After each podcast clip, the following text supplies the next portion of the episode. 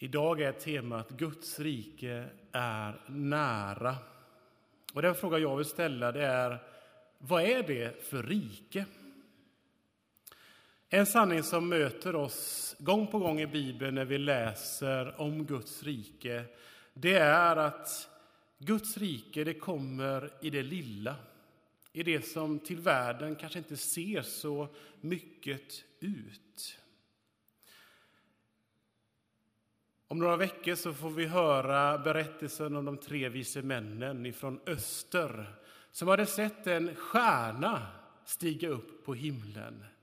Stjärnan som var tecknet på att en nyfödd konung hade fötts i Israel. Och de begav sig iväg på denna vandring. Och de gjorde det naturliga. De gick ju till huvudstaden Jerusalem, till palatset för det är väl där konungar bor. Det är väl där konungar föds. De träffade Herodes. De hade sagt, de sa, vi har kommit för att hylla, vi har kommit för att tillbe den nyfödde konungen.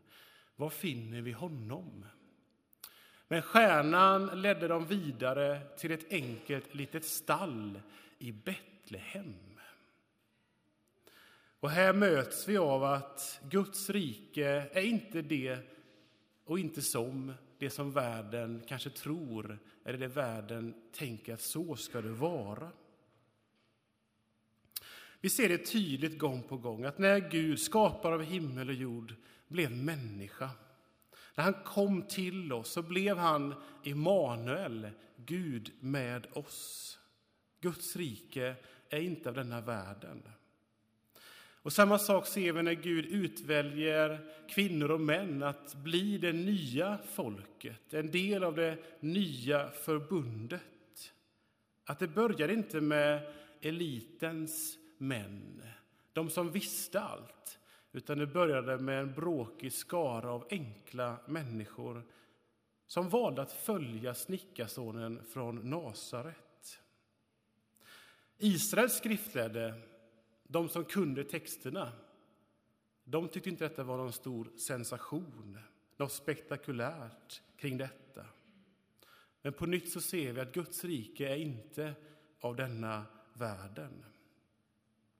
Förra söndagen var det första advent och vi fick följa med när konungen i detta rike gjorde entré i Jerusalem. Men han gjorde det inte i flärd eller i lyx han gjorde det inte med en armé av soldater, med maktdemonstration. Han kom ridande på en åsna. Ödmjuk var han. Folket, de vanliga människorna, de tillbad och ropade Hosianna, Davids son som kommer. Men eliten och de skriftlärda, de som kunde, de vände honom ryggen. Ja, sedan vände alla honom ryggen.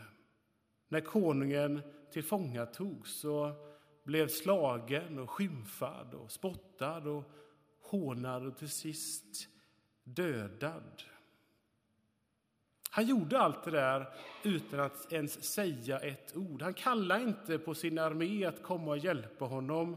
Nej, han var tyst, lik ett lamm som fördes bort till att bli slaktad. Och den man som såg detta och måste ha varit oerhört förbryllad det var landshövdingen, den romerska landshövdingen Pilatus. Och han frågade Jesus, är du judarnas konung? Och Jesus svarade honom, du själv säger det. Och Jesus fortsatte och sa till Pilatus att mitt rike är inte av den här världen. Om mitt rike vore av den här världen så hade mina tjänare kämpat för att jag inte skulle bli överlämnad åt judarna. Men nu är mitt rike inte av den här världen. Konungen vinner inte sin tron genom någon statskupp. Han vinner sin tron genom att låta sig förnedras och dö på ett kors för våra synders skull. Och genom denna förnedring så vinner han seger över synden och över döden. Och uppstånden från de döda så kommer han till sina enkla lärjungar, visar sina händer och ger dem sin frid.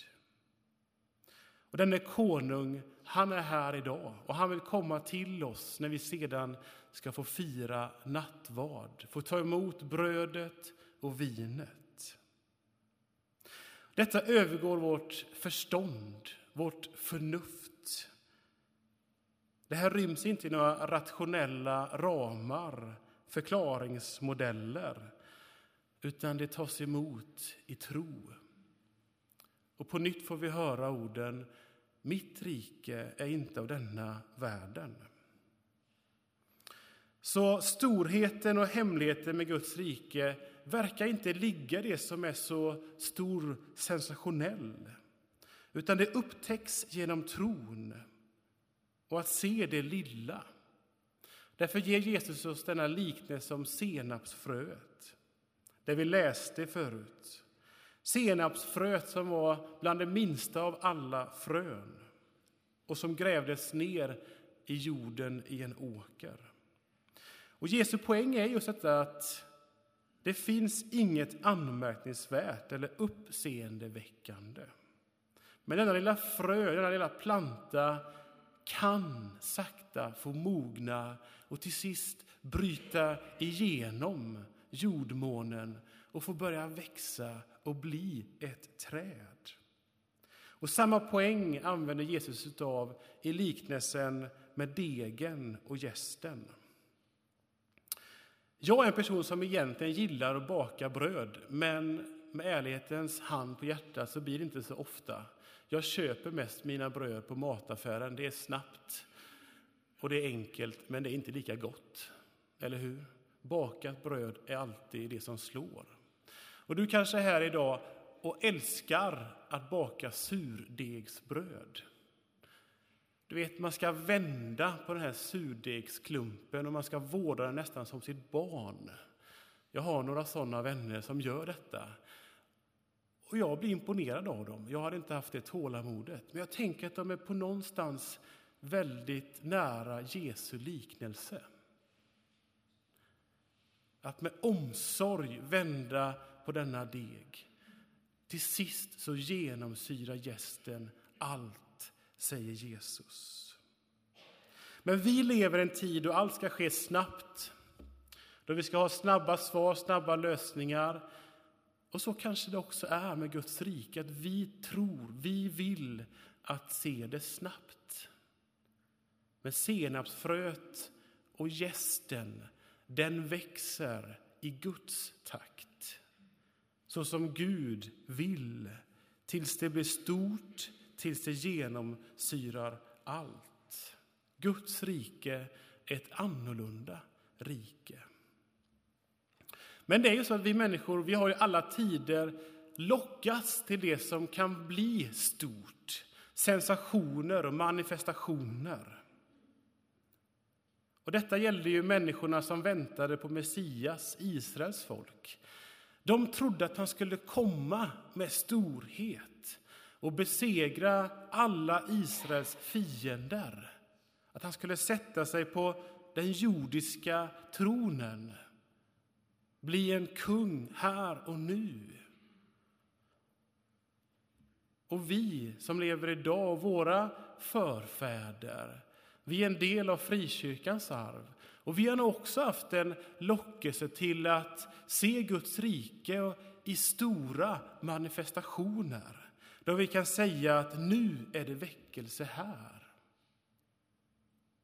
Men konungen i Guds rike, Jesus Kristus, är en annorlunda konung i ett annorlunda rike. Ett rike som inte är av denna världen, som vi inte kan greppa med vårt förnuft eller med våra rationella förklaringsmodeller, utan vi kan ta emot det och vi kan bli en del av det genom tro.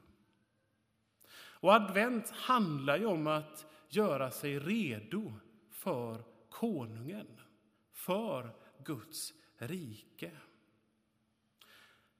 Gud vill att du ska få ta emot detta barn, denna konung som blev en del utav oss, Emanuel, som dör för oss. Och att du i tro får ta emot honom i ditt liv. Då är du redo att ta emot honom den dag han kommer tillbaka i ära, i härlighet. Idag har vi ett nytt budskap bakom oss som ni har säkert läst ifrån, ifrån Sakarja. Se, din konung kommer till dig. Rättfärdig och segerrik är han. Han kommer ödmjuk ridande på en åsna. Din konung kommer till dig. Öppna ditt hjärta och ta emot honom. Vi ber. Herre, tack att vi får läsa om dig i evangelierna, Herre. Och tack att vi kan i tro ta emot dig. Tack att vi kan få bli en del av ditt rike, Herre. Ditt rike som är ett annorlunda rike, som inte är av denna världen, Herre. Men ditt rike som rymmer så mycket av glädje, av frid, av frihet, av hopp och kärlek, Herre.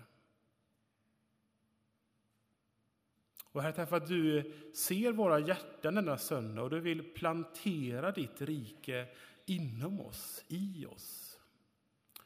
Och du vet att vi kan vara otåliga, du vet att vi kan ha bråttom.